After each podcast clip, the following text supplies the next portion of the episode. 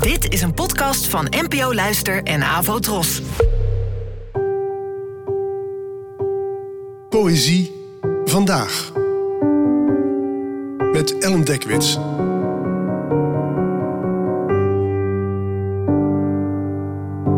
Hallo, fijn dat je luistert. Het gedicht van vandaag heet Strategieën en werd geschreven door de Vlaamse dichter en schrijver Thomas Blondeau. Geboren in 1978 en gestorven in 2013. Strategieën. We zitten natuurlijk niet om een leven verlegen. Het kan altijd beter, daar niet van. Maar erom verlegen zijn we zeker. Daarom zo vals zingen we. Op zijn best ontsnappen we eraan. Kunnen we naar buiten, verdacht weinig ogen die zich aan de takken van ons achterhoofd hechten.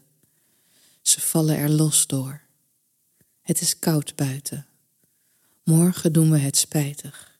Is het of pijnlijk dat er geloofd wordt dat ons leven een fabriek is? We lossen, we laden en zijn ermee weg alsof het niks kost.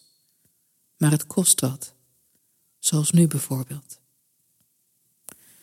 Soms is een gedicht ook een uh, getuigenis van de wereld, van hoe je een mens kan zijn en natuurlijk ook van het leven zelf.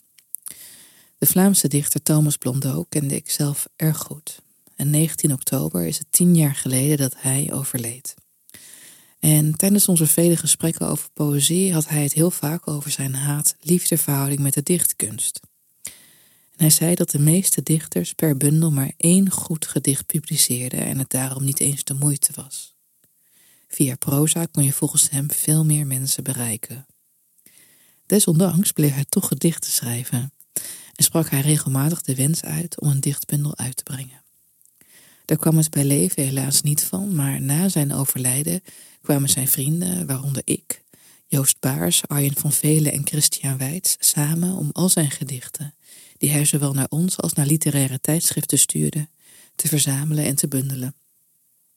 En onlangs las ik ze terug. Zijn versen mogen er voor mij nog steeds zijn, al ben ik als vriend misschien wat bevooroordeeld. Toch ben ik nog steeds blij dat er na zijn overlijden nog steeds kleine tekens van leven zijn overgebleven.